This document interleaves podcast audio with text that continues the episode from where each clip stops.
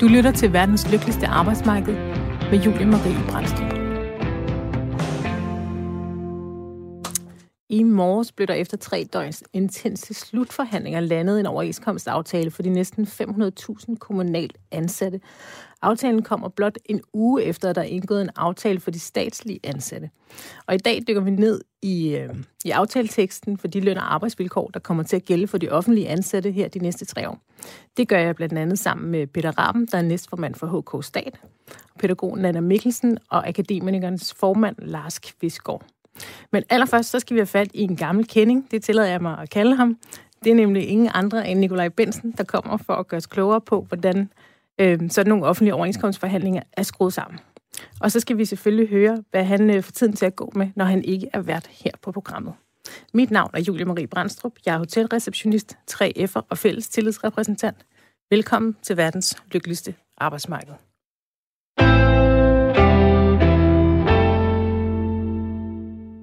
Men uh, hej Nikolaj, velkommen til. Hej Julie. Det er dejligt, du har tid til at kigge forbi. Men allerførst skal vi lige have styr på det praktiske, så derfor vil jeg lige sige til lytterne, at hvis I har nogle kommentarer eller spørgsmål til den nye overenskomstaftale, så kan I sende en sms til 1424. I sms'en skriver I R4 efterfulgt af et mellemrum, og så jeres spørgsmål. Så Nikolaj Bensen, du er, du er med de næste cirka 20 minutters tid, og jeg lover, at vi nok skal komme ind på specifikt, hvad din rolle er under de øh, offentlige overenskomstforhandlinger. Men allerførst, Nikolaj, vil du så ikke overordnet give os et øh, overblik over, hvordan sådan nogle offentlige overenskomstforhandlinger, de, øh, de foregår? Altså sådan helt forbundet af. Så det kan godt, fordi det kan nemlig godt virke sådan en lille smule overskueligt, hvis man, hvis man ikke selv er tæt på forhandlingerne. Mm. Og så bagefter, så dykker vi sammen ned i de forskellige dele. Okay, altså jeg tror, man kan sådan helt overordnet sige, at forhandlingerne jo er inddelt i tre store områder. Ikke? Altså det statslige område, det er jo der, hvor at folk, der er ansat i departementer og styrelser, men også der, hvor for eksempel politi og forsvaret og folk under kirkeministeriet er, er ansatte. Og det er jo her, hvor der er en meget, meget stor andel af akademikere og, og HK'er. Øhm, og så er der det, det, det, det faktisk det største område, der hvor der er flest, der arbejder. Jeg tror, der arbejder cirka 195.000 på det statslige område. Så er der det kommunale område, som er øh, ja, det er, jo, det er jo daginstitutioner, pædagoger og så videre, det er skoler typisk, det er ældreplejen og alle de øh, offentlige opgaver, der knytter sig til typisk øh, en kommune. Og så sidst er der selvfølgelig regionerne, som primært er alt på det sundhedsfaglige øh, område, ikke? altså hele vores sundhedsvæsen, kan man sige. Og, og den måde, det typisk har kørt på, og nu gør igen, men man skal jo huske på, at faktisk i under OK18, der, der var det lige en, en kort sekvens, hvor det var lidt anderledes, fordi at de første, der kom i, igennem med et forlig, det var på regionerne. Men normalt vil man helst have, at det er det statslige område, der laver det første forlig, og det er jo især arbejdsgiverne, altså regeringen i den her sammenhæng, der allerhelst vil have det, fordi at hvis de kan styre den økonomiske udvikling på det statslige område, og det er der, hvor de har den direkte indflydelse, fordi der er det dem, der forhandler. Konkret var det jo Morten Bødskov, skatteministeren. Typisk ville det være finansministeren, der, øh, der forhandler for, øh, for de statslige arbejdsgiver. Der kan de jo ligesom styre den økonomiske ramme, og så lidt ligesom på det private, hvor man siger, at det er det store industriforlig, som er frontoverenskomsten, som ligesom er den overenskomst, som sætter den økonomiske ramme og retningslinjer, og så skal de andre øh, områder forsøge ligesom at oversætte det og finde ud af, hvordan de kan udmønte det måske lidt anderledes, men, men nogenlunde bør den økonomiske ramme øh, ligesom ligge der. Øhm, det er jo den rolle, det statslige forlig har øh, i de offentlige overenskomstforhandlinger. Og så de fleste steder, i hvert fald i kommuner og stat, så er det så sådan, at når de store forlig har lavet deres øh, forlig om, om den økonomiske ramme, altså lønstigninger, men måske også nogle sådan projekter, man giver nogle penge til diverse ting og sager. Det kan være kompetenceudvikling, eller man prioriterer noget, noget midler til seniorpolitik, øh, og så videre.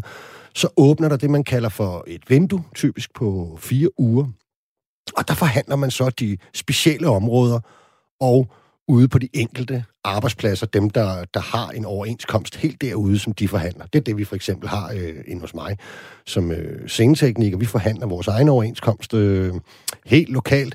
Men det kan også være for eksempel, at der er en fælles aftale for eksempelvis specialarbejdere i hovedstaden eller dyrepasser på landsplan, eller kirkegravere på landsplan osv., eller pædagoger øh, for den sags skyld. Ikke? Ja, fordi der er mange, mange forskellige faggrupper, som er involveret i de her offentlige ja. overenskomster, så det er en kæmpe stor og kompleks sag. Og i dag er der jo som sagt landet øh, et forlig på det kommunale område, som vi kigger nærmere på senere. Men, øh, men jeg tænker, at vi tager det fra en ende af. Øhm, og så i år, som du selv nævnte, så var det jo skatteminister Morten Bødskov, som forhandlede øhm, øh, på det statslige område, og så formand for de centralorganisationernes forhandlingsudvalg, Rita Bundkår, øh, som var forhandling, forhandler, topforhandler der. Og de forhandlede sig frem til en økonomisk ramme på 6,75 procent, og så en lønstigning over de næste tre år på 4,42 procent. Mm. Øhm, og, og hvordan er det, er det et godt resultat? Ja, det kommer jo meget an på, øh, hvordan udviklingen går ude i det private erhvervsliv, kan man sige, på det private arbejdsmarked. Ikke? Altså, øh, vores løn i det offentlige er jo meget afhængig af, øh, hvordan det går i det private. Forstået på den måde, at hvis, øh, hvis de stiger i løn ude i det private, så plejer prisen på mælk og kød og alle mulige andre ting altså også at stige. Ikke? Øhm, og derfor har man jo også inden for det offentlige den her øh, reguleringsordning, som, øh, som sikrer, at, øh, eller man har i hvert fald typisk haft den, ikke? og man har den også både i det statslige og kommunale forlig nu, at den blevet videreført. Og det er jo den, der ligesom sikrer, at, at hvis det lige pludselig går rigtig godt midt i vores overenskomstperiode, som jo i dag, må vi sige, altid nærmest er tre år, hvis det så lige pludselig går godt ude i det private igen, og lønningerne begynder at stige, og priserne begynder at stige, og vi har forhandlet en, øh, nogle lønstigninger, som ligesom bygger på det øjebliksbillede, der var, da vi forhandlede, så har man den her reguleringsordning, som gerne skulle samle noget af det op. Så stiger vi noget af, af, af, af lønstigningen med op, men det går så også den anden vej, og det ja, var faktisk... det er jo det, der er tilfældet. Ja, det har været tilfældet lige her per 1. februar, at vi egentlig skulle have været reguleret lidt ned. Øh, det fandt man så en løsning for, men det er bare for at sige, den går begge veje. Altså, den skal både sikre, at det offentlige aldrig bliver lønførende, og den skal også sikre, at vores købekraft ikke bliver udvandet i forhold til, at det går rigtig godt ude i, i det private. Så på det statslige område skal man egentlig lægge øh, den reguleringsordning, og den forventer man øh, udmyndter sig positivt. Det vil sige, at man forventer, at om et års tid eller to, så er der kommet gang i det private igen. Så er der åbnet op for Danmark. Corona er hvis ikke overstået, så er håndteringen af corona i hvert fald ja. så meget anderledes, at private arbejdspladser begynder at, at, at virke ordentligt ja, det igen. det må vi jo håbe, fordi lige nu, det er jo en helt, helt exceptionel situation. Fuldstændig. Som vi står lige i lige nu, og det, og det private, det er jo gået i stå, og lønpakker og hjælpepakker, og, ja. så, det, så det er jo helt, helt ekstremt. Og det er jo også det, der har gjort det enormt svært at forhandle, fordi man har jo forhandlet på, hvordan og man bruger altså ret hardcore, sidder man og diskuterer øh, tallene i Danmarks statistik og alle mulige beregningsformler. Og der har det jo bare ikke set skide godt ud, øh, hvordan øh, udviklingen har været ude i det private. Ikke? Sådan samlet set i hvert fald. For nogle steder går det jo fint i det private, andre steder går det bare enormt dårligt. Ja. Så samlet set har det været powered. Undskyld. Og derfor så, øh, så har man jo så hægtet sig op på den her reguleringsordning. Så, så hvis vi leger, at det passer, hvad de kloge hoveder og økonomerne siger. Det formoder vi. Det formoder vi. Så, så, så kan man godt tillade sig måske at sige, at den samlede lønmæssige ramme, som mig og mine kollegaer og alle mulige andre ansatte inden for staten stiger, den jo lige bevæger sig op over de der øh, 5 procent meget lidt. Ikke? Altså 4,42 i generelle lønstigninger, og 0,63 over tre år er det hele jo, ikke? Øh, så altså, det bliver lige, det kysser lige over de, øh, de 5 procent i, i lønudvikling, og man man, man kan så diskutere, om det egentlig bare fastholder vores købekraft, altså det er sikkert det vi kalder reallønnen, eller om der måske endda er en lille bitte forbedring. Det, det må vi jo se. Det er jo ikke noget, det, det, det, man er nødt til at være ærlig og sige, at det er et smalt forlig. Altså på, det er ikke noget, hvor man med det samme tænker, jeg må hellere skynde mig at få ændret min skatteprocent, eller lade om øh, for alvor i, skal, i forskudsopgørelsen. Ikke hvis man har min lønning i hvert fald. Så, så vi ligger til den, til den sådan lidt lade side, men man har dog sikret, at, øh, at, hvad hedder det, at vi kan følge med reallønsudviklingen. Og her skal man også huske på,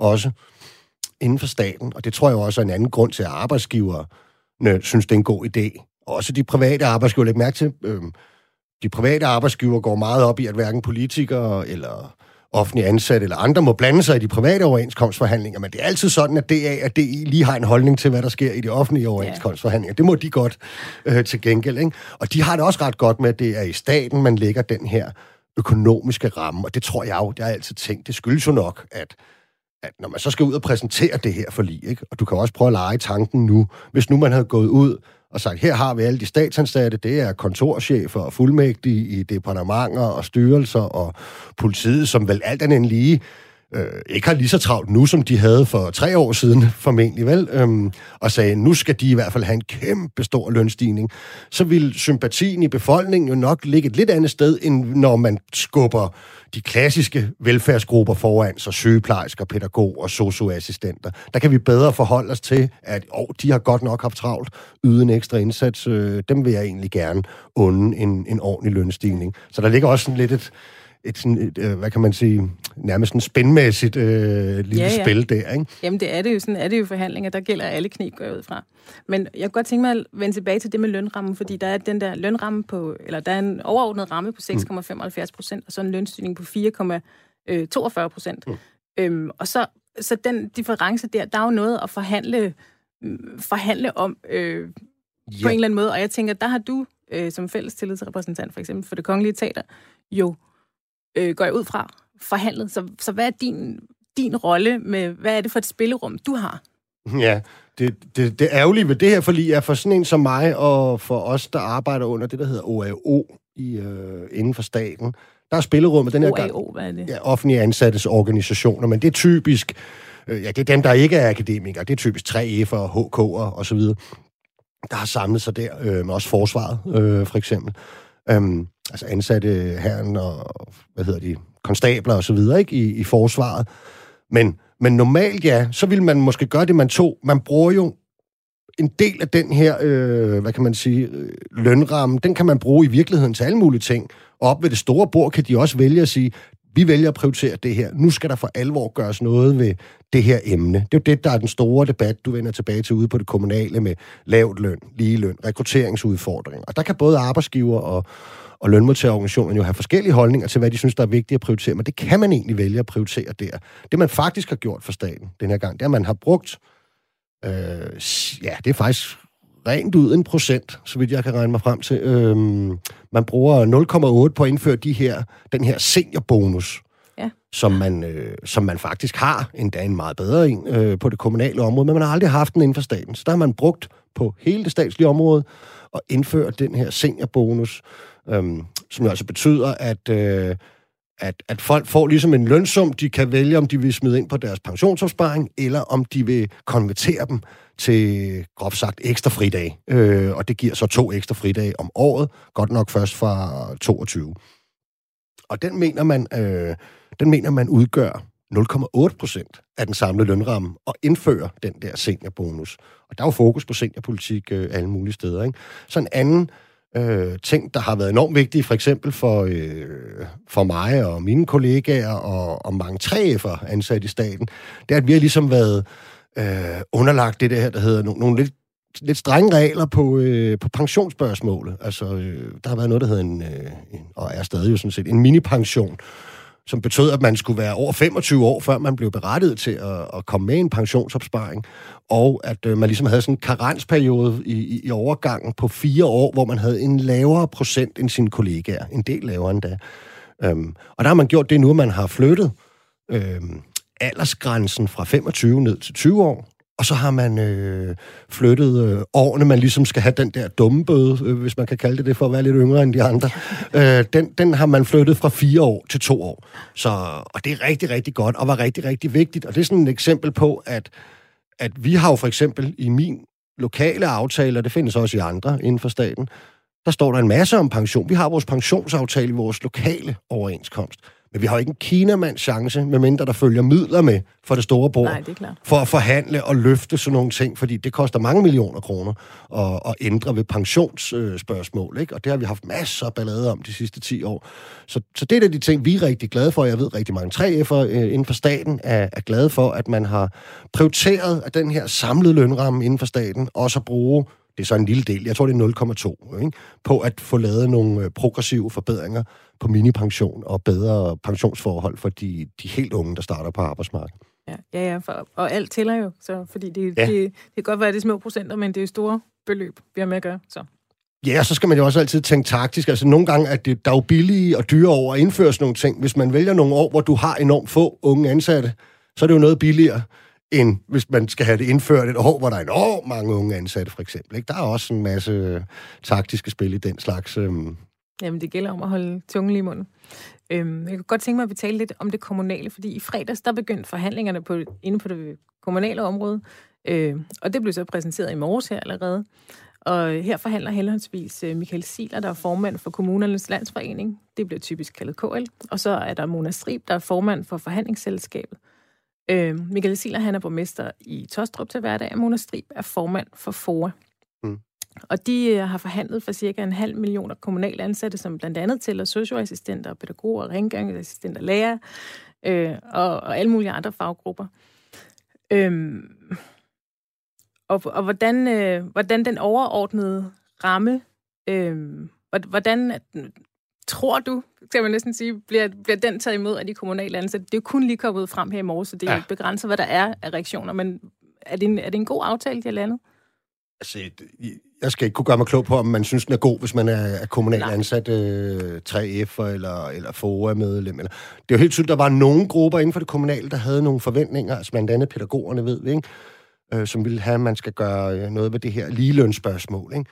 Øhm, man må sige, den, det her det bliver lidt interessant, fordi den overordnede økonomiske ramme er den samme. Altså, det hedder så, den er 6,75 også. Men hvis du dykker ned, nu er den jo lige kommet, der må, ja. og, og djævlen ligger altid i detaljerne med sådan noget. Man skal lige dykke ordentligt ned i tallene, ja. og de mange, mange, mange sider og protokollater og så videre. Men det, det dog ligner, Øhm, og så har jeg ikke taget stilling til, om det er godt eller dårligt for lige, men det ligner i hvert fald, at hvis man er en af de her grupper, typisk lavtlønsgruppe, eller et medlem af FOA, eller 3F osv., eller HK for den sags skyld, at øh, så får du i hvert fald en bedre lønstigning, end du gør inden for det statslige. Og det skyldes, de har valgt at prioritere den samlede ramme noget anderledes. Det skyldes jo også, at personalsammensætningen i kommunerne er anderledes. Der er ikke så helt så stor en andel af meget højt lønnede akademikere, som ligesom æder en enorm stor del af, af, af den samlede lønramme. Ikke? Øh, der, der har de ikke helt samme udfordring øh, på det kommunale område. Men altså, det ligner jo de, hvor vi havde, som du sagde før, de generelle lønstigninger på 4,42 over tre år, så har de en, øh, en, en, en samlet lønstigning på 5,02.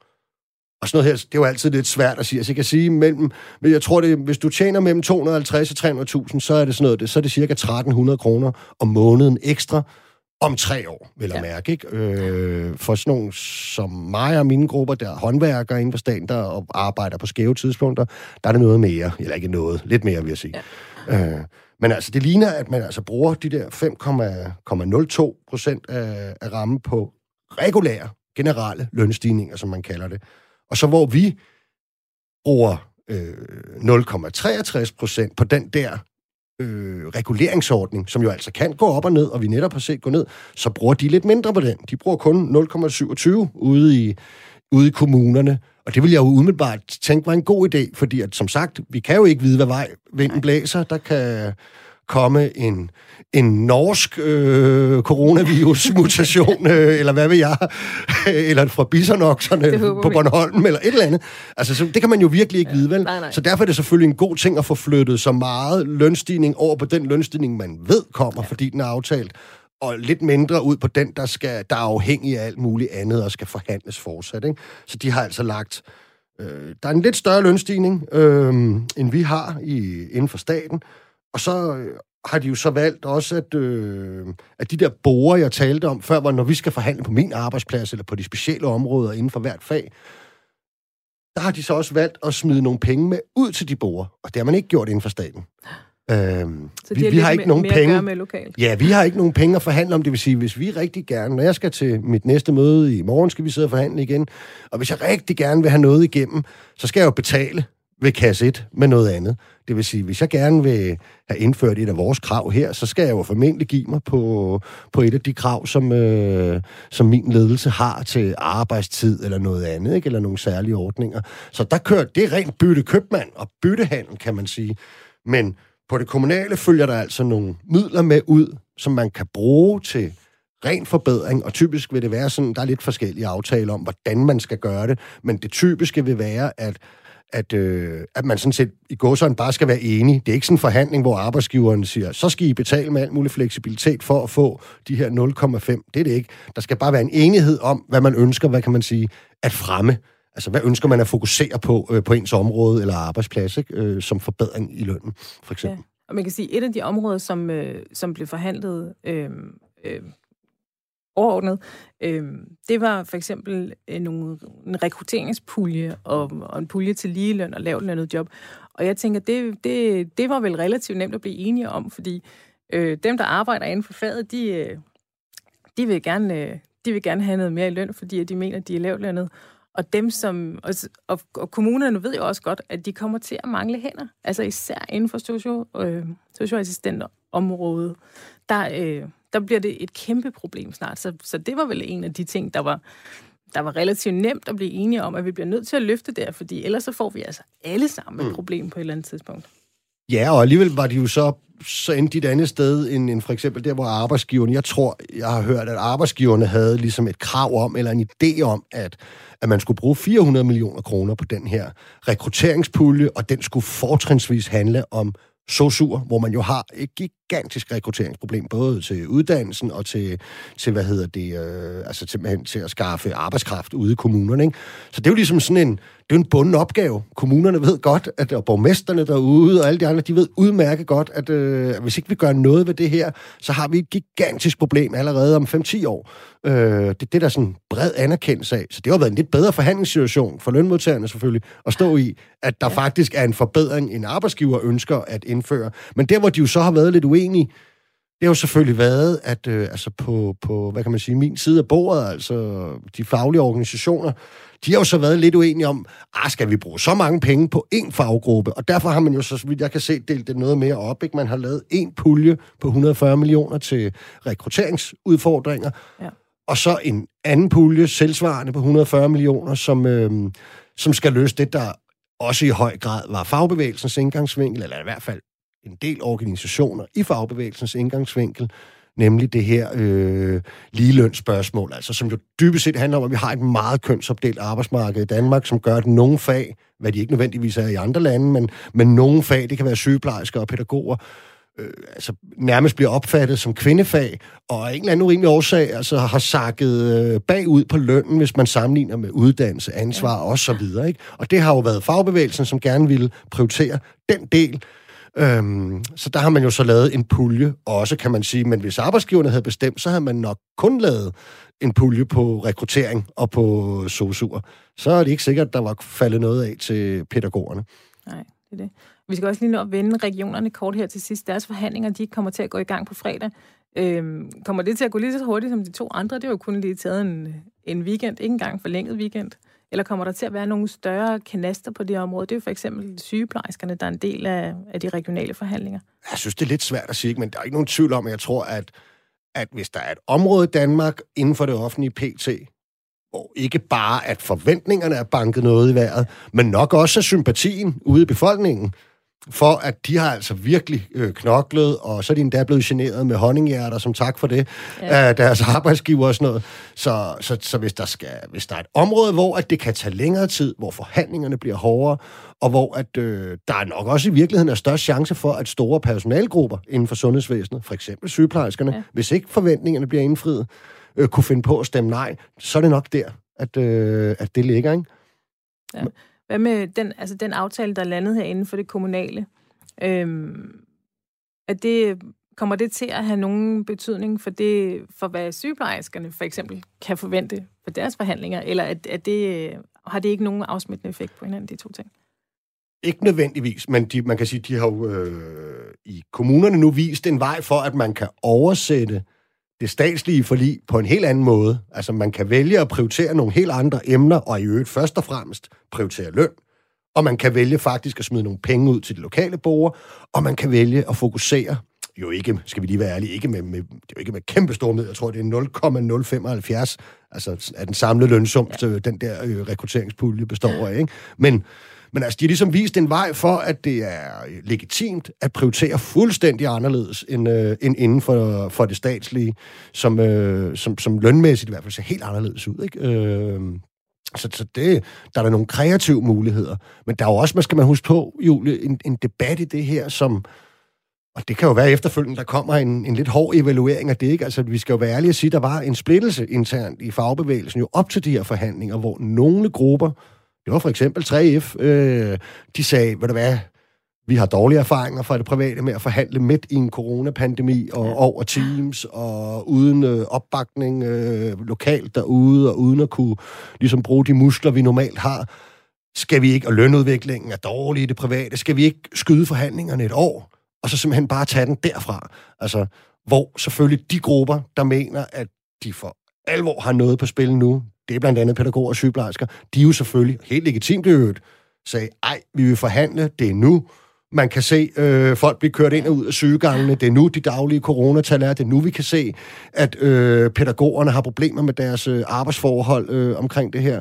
Så der var sådan lidt en, du ved, Ja, og det vil også lige nu, debat, at de har sympatien øh, hos befolkningen, fordi... Det er jo deres vurdering i hvert fald, se, ikke? Altså, der, der er mange sygeplejersker, mange pædagoger ansætter, og mange har børn, som øh, mm. bliver passet, og altså det er lige nu, at de har vores sympati. Men ja, og det er jo sikkert også rigtigt, ikke? fordi hvem, hvad nu hvis øh, vi ikke lukker ned på samme måde, og pandemien ikke udvikler sig i, i nærheden af samme måde, hvis vi skulle have forhandlet om et år, for eksempel, ikke? Ja. Men til gengæld var der massive problemer med selvstændige og ja, hele din branche, ja, ja. oplevelsesindustrien og konkurserne begyndte at vælte ind. Så kan det jo ja. godt være, at altså danskerne glemmer jo hurtigt, så er der sympati måske et andet sted end ja. dem, der, der stod på hospitalerne, ikke? Ja, det er det. Lige kort, jeg skal lige høre her til allersidst. Altså ved forhandlingerne i 2018, øh, der var jo det her øh, princip skulder ved skulder. Øh, øh, det, og øh, hvad hedder det, Ja, nå, det har jeg lige glemt. Men i hvert fald skulder ved skulder-princippet. Musketer nok og nok, var også. ja, det var musketeræden, jeg lige ledte efter. Ja. Øhm, det, det synes jeg overhovedet ikke, at vi har hørt noget til i år. Det, det faldt til jorden. Det var ikke populært mere, fordi det, det var mit indtryk, at det var en ret stor succes i 18. Ja.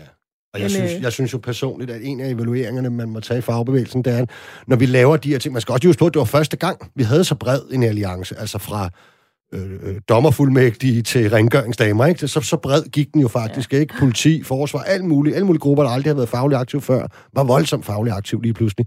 Og, og jeg tror, man skal tænke i, i mange længere år fremad. Altså, øh, vi skal have nogle alliancer, der siger simpelthen, vi hjælper jer ved den her overenskomstforhandling, øh, og så må I altså hjælpe os ved den næste. Øh, altså, de skal ligesom, hvad skal man sige, den næste musketerede skal binde sig over nogle flere forhandlinger, over nogle flere år, fordi at dybest set, så øh, der er jo meget snak om det her med øh, kroner- og ørestigninger og procentstigninger, og de, de, de højtlønne bliver mere højtlønnede og stikker af, øh, og de lavtlønnede får mindre ud af de her lønstigninger. Men vi løser det jo kun ved alliance. Vi løser det kun, hvis vi får lukket de højtlønnede med på, at de skal hjælpe øh, de lavtlønnede. Ikke? Ja, øh, eller medmindre man satser på, at politikerne løser det ved at smide en, en pulje penge og sige, at det skal gå til de lavtlønnede. Ikke? Øh, for det, det har vi en politisk interesse i. Det er jo en anden model. Ja, så til aller, aller sidst, Nikolaj, hvordan øh, var det at være tilbage her i studiet i dag? Nu, har du, nu står du på den anden side af bordet ja. i forhold til, hvad du er vant til. Ej, det, var, det, det var sjovt og, og hyggeligt, og jeg kan høre, at øh, programmet er jo i fuldstændig kyndige hænder. Åh, oh, det er jeg glad for, at du siger. Jeg gør i hvert fald, hvad jeg kan. Ja, det synes jeg. Men øh, Nikolaj Benz, jeg vil sige tusind tak, fordi du havde mulighed for at kigge forbi, og tak fordi, at du både gjorde os klogere på de offentlige overenskomstforhandlinger, sådan helt overordnet, og også lidt på, hvad du ellers bruger din tid til, når du har fået en lille smule... Øh, ekstra tid ja, ja. ved, at det er mig, der passer Skansen så længe. Så øh, held og lykke med de øh, lokale forhandlinger, Nikolaj. Og tak for i dag. Velbekomme. Du lytter til verdens lykkeligste arbejdsmarked med Julie Marie Brandstrup. I dag taler vi om den nye treårige overenskomst, øh, der blev forhandlet for de offentlige ansatte, og nu skal vi høre øh, fra nogle af dem, der er blevet påvirket af de her offentlige overenskomstforhandlinger. Så først skal jeg sige hej og velkommen til Lars Kvistgaard. Hej Lars, kan du høre mig? Det kan jeg godt. Det er godt. Du er formand for Akademikerne, og dermed for de cirka 80.000 akademikere, der, der, der er øh, ansat i staten. Men kan du alligevel ikke lige starte med at fortælle, hvilken type jobs dine medlemmer typisk er ansat i? Ja, men det er jo en bred vifte, man kan sige. Øh, ja, ja, og så kan man sige, jo, jeg er, formand for, for dem, der er i staten. Jeg er sådan set også for dem, der er i kommunerne, så jeg var en af dem, der sad, øh, kan man sige, hele weekenden i, i KL og landet den aftale, som der kom i morges. Men altså, dem, som er, det, det som kendetegner øh, akademikerne i staten, jamen det er jo, øh, det er jo embedsmænd i, i centraladministrationen, altså dem, som øh, bistår, hvad hedder det, med, øh, med, med ministerierne og ministerne øh, i forhold til, kan man sige, ud, udarbejdelse af lovgivning og, og, og, og kan man sige, bistand til, til Folketinget. Helt ud til, øh, kan man sige, forskere, som er, er ansat øh, øh, til at forske i, øh, kan man sige, selvlysende fuglearver og sådan noget, samt dem, som er meteorologer på, på, på geolog, hvad hedder det, med Meteorologisk Institut til videre. Så det er en meget bred vifte, ja, øh, der er, er akademikere. Det lyder som om, at det er en bred faggruppe, hvis man overhovedet kan kalde det det. Øhm, og så vil jeg høre, altså sådan helt overordnet, lad os sige, øh, lad os tage staten først. Øhm, hvad mener du om den aftale, der blev landet på staten? Jeg tænker, måske skal du selv have lov til sådan at jonglere imellem øh, stat og, og, øh, og, og de kommunale overenskomstforhandlinger og resultaterne ja. der. Det vil jeg lade være op til dig. Det, men det, kan, men det kan vi det sagtens gøre. Altså, man kan sige, øh, jeg synes, jeg synes øh, når, jeg, når, når vi kigger på, på det statlige resultat, jamen så, øh, og sådan set også det kommunale resultat, altså det, som, som jeg tror, de første kigger på, det er jo, jamen, hvad er der i, i lønposen øh, til os, og, og, og, og begge resultater øh, har jo sikret, øh, kan man sige, en, en, en regeløn øh, øh, sikring og også en regeløn fremgang øh, i de kommende øh, tre, tre år. Øh, og det er jo i hvert fald noget af det, som har været øh, rigtig, øh, rigtig vigtigt øh, for os øh, som, som organisationer, at, at, øh, at, øh, at øh, kan man sige, købekraften i, i lønningerne øh, bliver bevaret. Øh, så er der jo så andre ting, som, som, som jo også er kommet med, øh, som vi synes er, er øh, øh, noget af det, der tæller med i forhold til at sige, at øh, det, her er et, et, et, et, godt, et godt resultat. Øh, i staten, jamen der øh, kom der jo sådan noget, noget helt nyt, øh, øh, seniordag eller seniorbonus øh, til, til, til, til dem, som er over 62. Øh, det, har vi ikke, det har vi ikke set tidligere. Øh, og når jeg, når jeg tager akademikerbriller øh, på, jamen så øh, fik vi øh, lavet nogle ting øh, øh, på, hvad hedder det, øh, øh, akademikerområdet, som, som vi, er, vi er meget øh, tilfredse med. Vi har fået hævet nogle, nogle, nogle, nogle, nogle lønninger og lavet nogle, nogle barselstillæg på, på, på, for de universitetsansatte. Gymnasielærerne har fået øh, en, en aftale, som øh, gør, at, at der kommer øh, en større grad af, kontrol øh, omkring øh, deres arbejdstid. Øh, og det er jo noget, vi har ønsket siden, siden, siden 2013, hvor at, at hele undervisområdet jo øh, blev, blev underlagt nogle, nogle helt andre øh, arbejdstidsregler. Så, så, så øh, altså, det statslige område, det, det, det synes jeg, øh, både når det kommer til, til økonomien og til øh, det andre resultater, jamen det ser, det, ser, det ser rigtig fornuftigt ud. Ja, og der er især noget med den her senior, seniorbonus, øh, som, som I er ret positive overfor. Hvorfor, øh, hvorfor er det så vigtigt for jer? Jamen, fordi det er et nybrud. Øh, altså, øh, jeg tror, øh, øh man kan sige, øh, jeg tror, vi alle sammen har blik på det her med, at, at, øh, at øh, det skal være et attraktivt arbejdsliv. Vi har og også, også helt oppe i, i seniorårene, og hvad hedder det, øh, Øh, og, og det betyder også, at det skal være muligt at, at tilpasse, kan man sige, ens arbejdsindsats til, til også det arbejdspres, der er.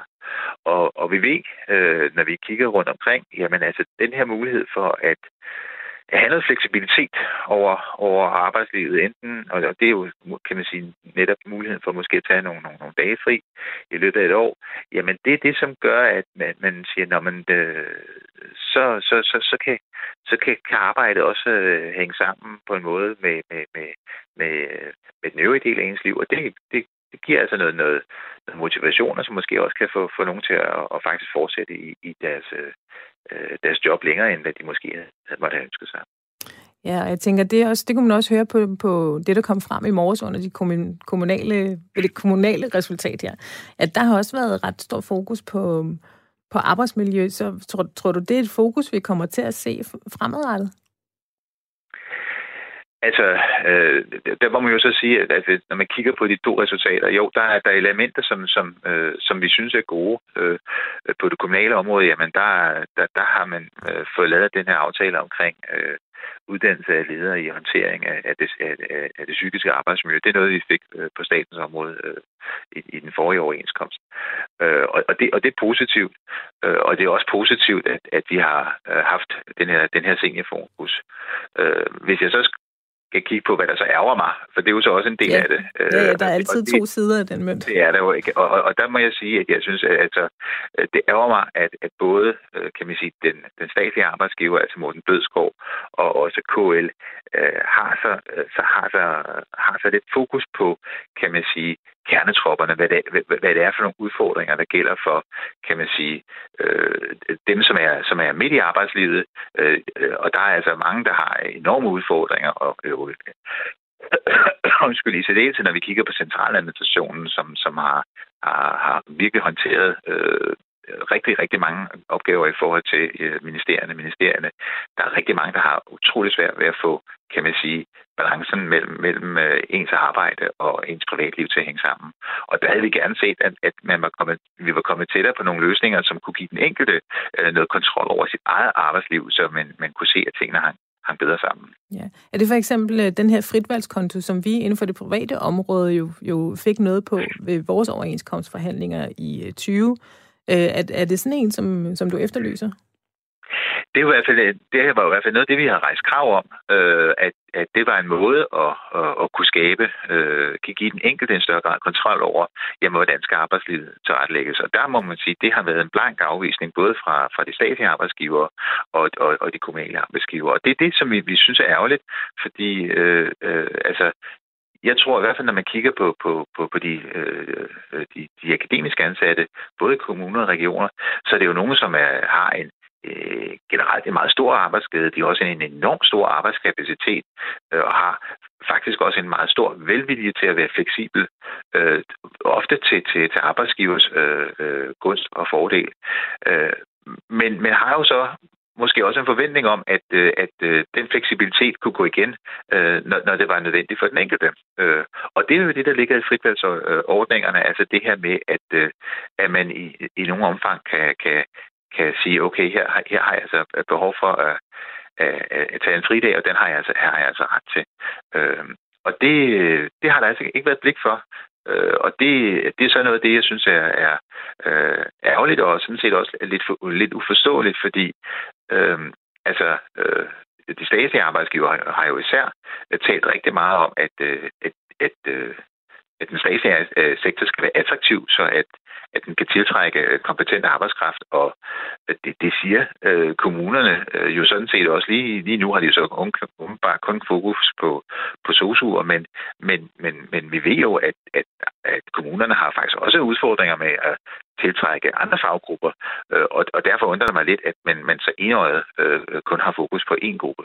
Ja, Ja, det er måske fordi, at det, det, er, at det berører mange øh, rundt omkring i samfundet lige nu. Men ved du hvad, Lars Kvistgaard, øh, tiden den lever simpelthen så hurtigt, så øh, jeg vil tillade mig at konkludere, at øh, i overordnet situationen taget i betragtning, corona og så videre, er nogenlunde tilfredse med den aftale. De aftaler, der allerede er blevet forhandlet på plads. Jamen helt, helt bestemt.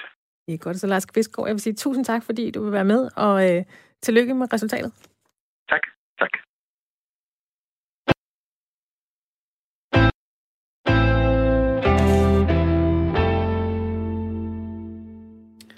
Og nu skal vi have fat i dagens tredje gæst. Det er Nana Mikkelsen, der er pædagog. Hej Nana, velkommen til. Tak skal du have. Tak skal du have.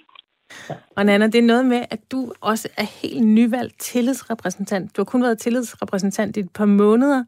Så hvordan er det at være nyvalgt uh, øh, TR, plejer vi at kalde det, og så blive kastet ud i sådan en omgang offentlige overenskomstforhandlinger?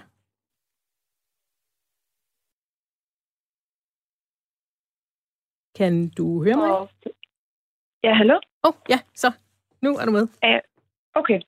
Øhm, jeg sagde, at, øhm, at det, det med at være nyvalgt øh, til jer, og kun har været det siden øh, midt december, det har været noget af en udfordring i forhold til overenskomsten også. Øh, og det her med at prøve at forstå det rigtigt, og skulle formidle det videre til ens øh, kollegaer. Så det er noget med at holde øh, tungen lige i munden. Jeg synes i hvert fald, at det er sejt, at du kaster dig ud i det. Øhm, og så skal jeg lige høre, har du en mening om det, det resultat, altså som jo kun lige kom, kom her i morges øh, inden for det kommunale område? Har du noget at forholde dig til det? Og hvis ikke du har, så er det også helt i orden. Altså, jeg, jeg så godt, da, da den tikkede ind på øh, TV2 i morges, og jeg har kigget lidt på det også. Øh, og man kan jo sige, at selvfølgelig så, øh, så er det jo langt fra, hvad vi egentlig ønskede, øh, og hvad vi egentlig havde øh, gjort os, øh, for, eller ikke forventninger om. Vi havde i hvert fald et håb om, men var nok også godt klar over, at det, som vi egentlig stillede som krav, nok ikke ville blive indfriet. Øh, så man kan sige, at den procent, som er blevet sat på de der 5, et eller andet, kan ikke helt huske den lige nu, øh, den er selvfølgelig højere end, øh, end det, der var lagt ud fra staten til at starte med på de 4, et eller andet. Ikke? Øh, men det er langt fra tilfredsstillende i forhold til, hvad det kommer til at betyde øh, for den enkelte person. Ja. Kontra hvad det kommer til at betyde for den højt lønnede i hvert fald. Ja, og du har faktisk været, været en aktiv del af en kampagne, der hedder Løn som fortjent. Ja. Øhm, og, det, og det, lige om lidt kan du forklare, hvad det går ud på, men, men det var i hvert fald ikke det, som resultatet her kom til at fagne. Men hvad er det, den kampagne Løn som fortjent øh, går ud på? Jamen, Løn som fortjent går simpelthen ud på, at, øh, at vi synes, at øh, vi, er mere, vi er mere værd end, øh, end det, som vi får lige nu.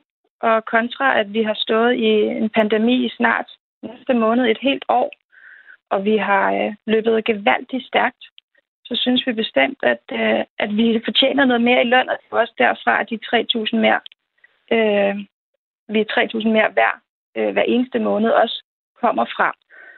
Fordi at, at vi, øh, vi har stået i fronten sammen med, øh, sammen med sygeplejersker øh, under hele den her pandemi, og vi har knoklet, og vi har løbet stærkt.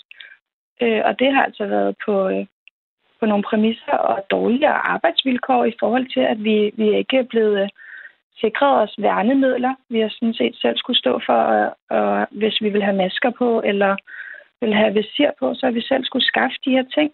Ja, fordi, og en af de ting, som, som er helt centrale for kampagnen, øh, hvis jeg forstår det rigtigt, det er netop de 3.000, som du også selv omtaler. I vil hellere have øh, lønstigningerne øh, for det første i kroner og øre, og så, vil, så går kampagnen ud på, at de 3.000 kroner skal være en lønstigning, som er ens for alle inden for området, sådan så det ja, ikke er procenterne. Der... Ja, fordi at i det, det er, lige så snart vi taler i procentstigninger, øh, så er det, at det er de højtlønnede, der kommer til at høste den her procentdel.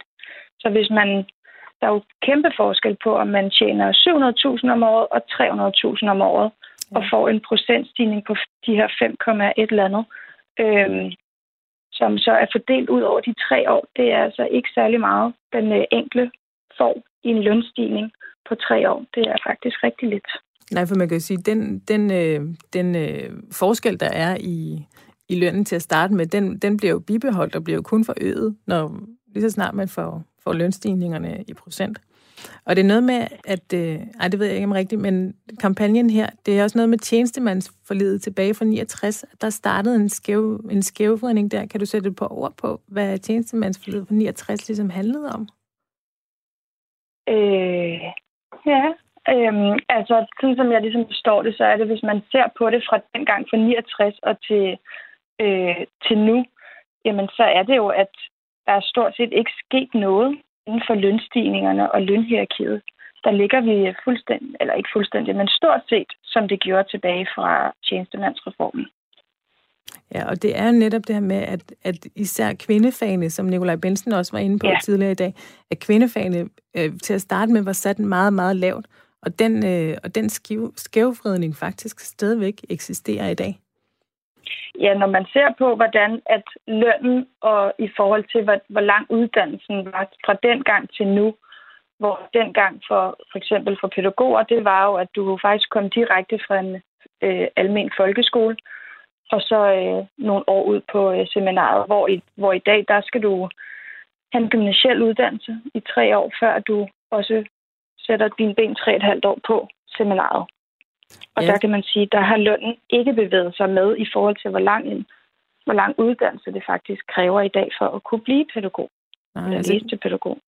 Ja, så kan man jo håbe på, at nogle af de lavlønspuljer, som vi hørte, der kom, kom frem, at de, de kan støtte op om jeres, øh, jeres fag blandt andet, sådan, så I forhåbentlig kan få lidt mere i lønposen, så det ikke bliver så, så skævt fordelt.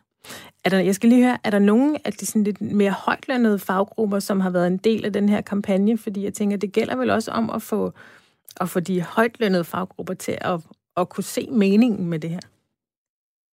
Ja, jeg tror faktisk, at øh, altså, der har jo været flere faggrupper ind over den her kampagne. Men som sagt, så kommer det jo... Altså, det er LFS, der har startet den her kampagne. Øhm, og hvad og står LSF hører, for? Øh, øh, øh, og to sekunder, du går lige ud. Åh, oh, nej, ved du hvad, det er helt jorden. Vi går bare videre. Du, du fortsætter bare. Okay, nu kan jeg godt høre dig igen. Så, det er bare helt jorden. Øhm, du sagde noget om de forskellige faggrupper, der havde været med i kampagnen. Ja, altså som sagt, så er det jo LFS, som har startet den her kampagne, og man har jo egentlig ønsket, at det er alle offentlige ansatte, der skulle have de 3.000 mere i løn. Øhm, og det er jo... Øh, altså, og det er jo primært kvindefagene, ikke? Altså, det er, det er lærer, det er pædagoger, det er sosuer, det er sygeplejerskerne. Og det er desværre også dem, som, øh, som, øh, som har de øh, dårligere lønninger, når man kigger på det, ikke? Ja. Altså, kvindefagene er dårligere betalt. At det, har I kunne mærke, altså den situation, vi står lige, lige nu med, med corona, har det, har det påvirket jeres kampagne her op til forhandlingerne? Ja, selvfølgelig har det påvirket. Altså, fordi at det er jo blevet meget tydeligt, hvor, hvor vigtig en del, at vi har været af, af samfundet nu, for at vi kunne holde samfundet kørende. Men samtidig kan man også sige på den måde, at hvor, hvor vi har været påvirket, det er jo, at vi har ikke på samme måde kunne demonstrere øh, ved at stille os ud på gader og stræder øh, og råbe højt øh, i den her, øh, under den her pandemi øh, og situation, vi er i nu. Så det har været øh, over de sociale medier, man har måttet øh, vise flad og øh, prøve at komme frem med sit budskab på. Ikke? Så jeg synes klart, det har været sværere i den her omgang, end det hidtid har kunne være. Ja, kontra ikke... hvis vi ikke havde haft en pandemi. Ikke? Ja, der er ikke så meget visuelt heller at sprede på medierne, i og med, at man faktisk heller ikke må samles jo. Øhm. Nej, præcis. Og Nana Mikkelsen, tiden igen, den, øh, den løber simpelthen fra os, så jeg vil sige uh, tusind tak for, at uh, du kunne være med i dag. Det er jeg rigtig glad for, og jeg vil sige held og lykke med de videre forhandlinger. Øhm, ja, tak. Og tillykke med dit valg som tillidsrepræsentant. Tusind tak for det.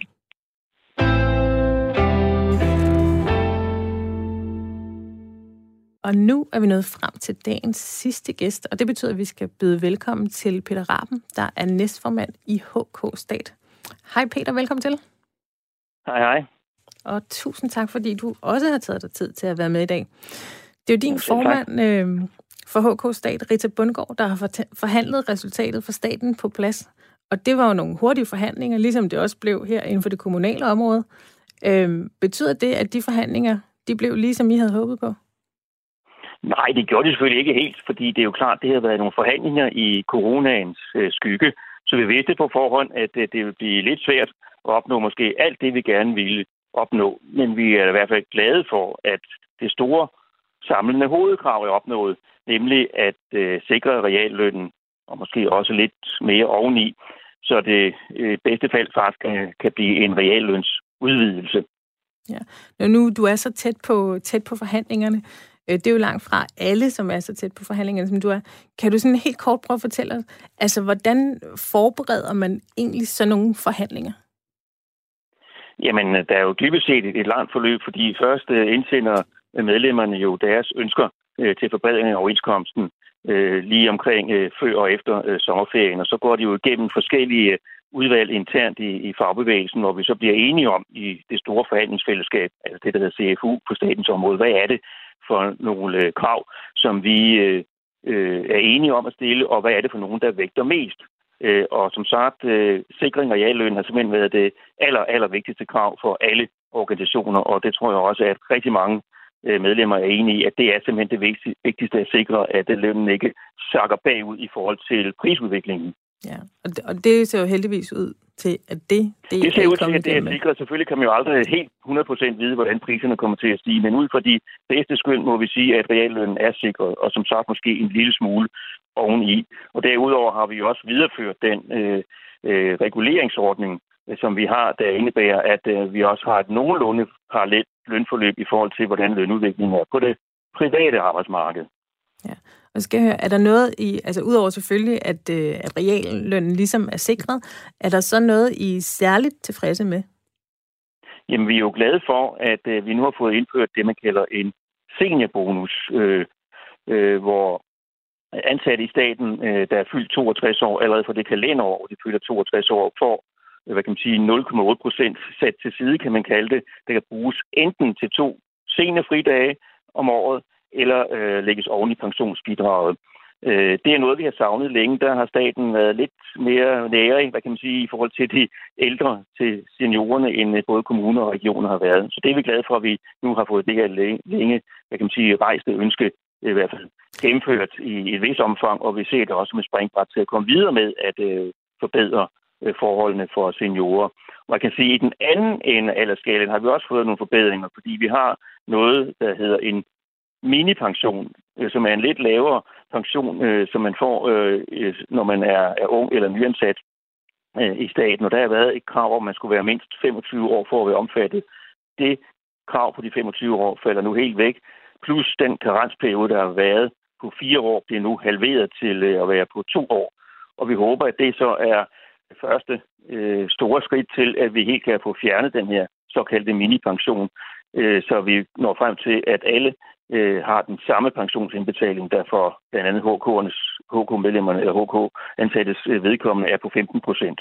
Ja, og det er sjovt, eller jeg ved ikke, om det er sådan morsomt lige frem, men øh, de her sengedage, de er jo faktisk øh, blevet fremhævet øh, af andre gæster, jeg har haft igennem øh, i dag, og også den her med minipensionen. Øhm, så der, det leder til, at der er en eller anden fokus på, på arbejdsliv og længere arbejdsliv og pension og ældre. Øhm, hvorfor, hvorfor kommer det fokus lige nu?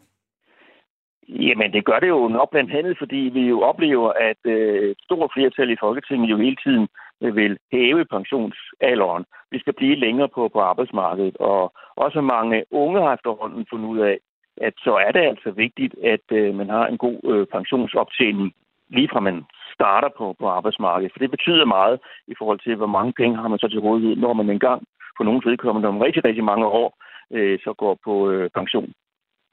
Ja, og så skal jeg også høre her, altså før forhandlingerne øh, gik i gang, øh, så var der mange, der mente, at man skulle udskyde forhandlingerne over, altså til 22, øh, sådan så man ikke fik en corona en corona-overenskomst. Havde I også gerne ja. set, at man havde ventet øh, med forhandlingerne Jamen, til næste år? helt sikkert. Altså alle organisationer inden for CFU, øh, inklusive Hogostat, øh, havde den holdning, at vi tror, det ville have været bedst at øh, udskyde forhandlingerne et års tid, fordi så ville det være en lidt anden situation, hvor vi ikke var helt så meget præget af corona og den usikkerhed omkring den økonomiske udvikling. Nu hørte jeg så jeg tror, det var TV-avisen her til morgen, at nogen siger, jamen det går vist slet ikke så dårligt endda med, med den økonomiske udvikling i, i, i Danmark, at den vil nok øh, komme op i, måske ikke helt normale omdrejninger, men i hvert fald bedre sig her i løbet af allerede fra anden kvartal i år.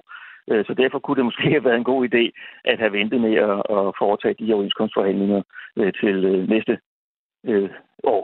Ja, og det med økonomien, det er jo svært at spå om, og vi er også afhængige af, hvordan det går øh, uden, for land, uden for landets grænser. Ja, det er rigtigt nok. Der er noget, der tyder klart, på, ja. at, at vi i Danmark ja. faktisk øh, er kommet ret godt igennem det, indtil videre i Netop. hvert fald. Øhm, og så der er også noget, som, øh, som jeg fiskede lidt efter, også hos en af vores tidligere gæster, det er det der øh, skulder ved skulder-princip og musketæren øh, fra 2018. Den har der overhovedet ikke været nævnt i år. Hvorfor, hvorfor er den blevet droppet? Jeg, jeg synes ellers, det var en ret stor succes sidst. Ja, men, men det har der da også været talt om, at man skulle prøve at øh, genopleve, eller bevare, hvad man nu vil kalde det, ånden fra 2018. Men det har jo i praksis været noget sværere, også som jeg lige hørte det forrige indslag, I havde, øh, blev sagt, at øh, jamen, på grund af corona har vi jo slet ikke kunnet mødes på tværs, sådan som man kunne op til overenskomstforhandlingerne i 2018, hvor op til for eksempel 10.000 tillidsrepræsentanter mødtes i, i Fredericia. Det har vi jo slet ikke kunnet gøre, og det er jo det, der har været i høj grad afgørende for, at vi endte med at få et rigtig godt resultat trods alt i 2018, selvom oddsene så dårligt ud fra starten af. Men nu er vi i en helt, helt anden situation, som har gjort det meget mere besværligt hvad kan man sige, at foretage mange af de forberedelser, der skulle til, og dermed også hvad kan man sige, de her hvad kan man sige, alliancer på, på tværs af, af hvad kan man sige, stat, kommuner og regioner, altså for medarbejdernes vedkommende. Men selvfølgelig har vi da talt meget øh, sammen, men har også erkendt, at der er altså nogle forskelle på øh, det statslige arbejdsmarked og det kommunale arbejdsmarked og, og det regionale arbejdsmarked. Det er også derfor, at det resultat, som det er fremlagt af forhandlingsfællesskabet på det kommunale område her til morgen, på nogle punkter er sat noget anderledes sammen end øh, det statslige øh, forlig for en uge siden. Ja. Og det var ved at være meget tæt på, hvad vi nåede i dag. Så jeg glæder mig utrolig meget til at se, øh, hvordan de kommende forhandlinger inden for regionerne kommer til at forløbe. De går i gang allerede her på fredag. Ja, det bliver øhm, også spændende. Ja, så Peter Raben, jeg vil sige uh, tusind tak, fordi du vil være med i dagens program. Jamen selv tak. Og det var, hvad vi nåede i dag. Det bliver utrolig spændende at se, hvordan forhandlingerne kommer til at forløbe, også ude lokalt. Mit navn, det er Julie Marie Brandstrup. Du har lyttet til verdens lykkeligste arbejdsmarked. Jeg vil sige tusind tak til både mine gæster og til jer, der lyttede med. Vi sender igen som vanligt næste mandag her på Radio 4. Og verdens lykkeligste arbejdsmarked, det er produceret af Rackerpark Productions, og producer er som altid Julie Lindhardt Højmark.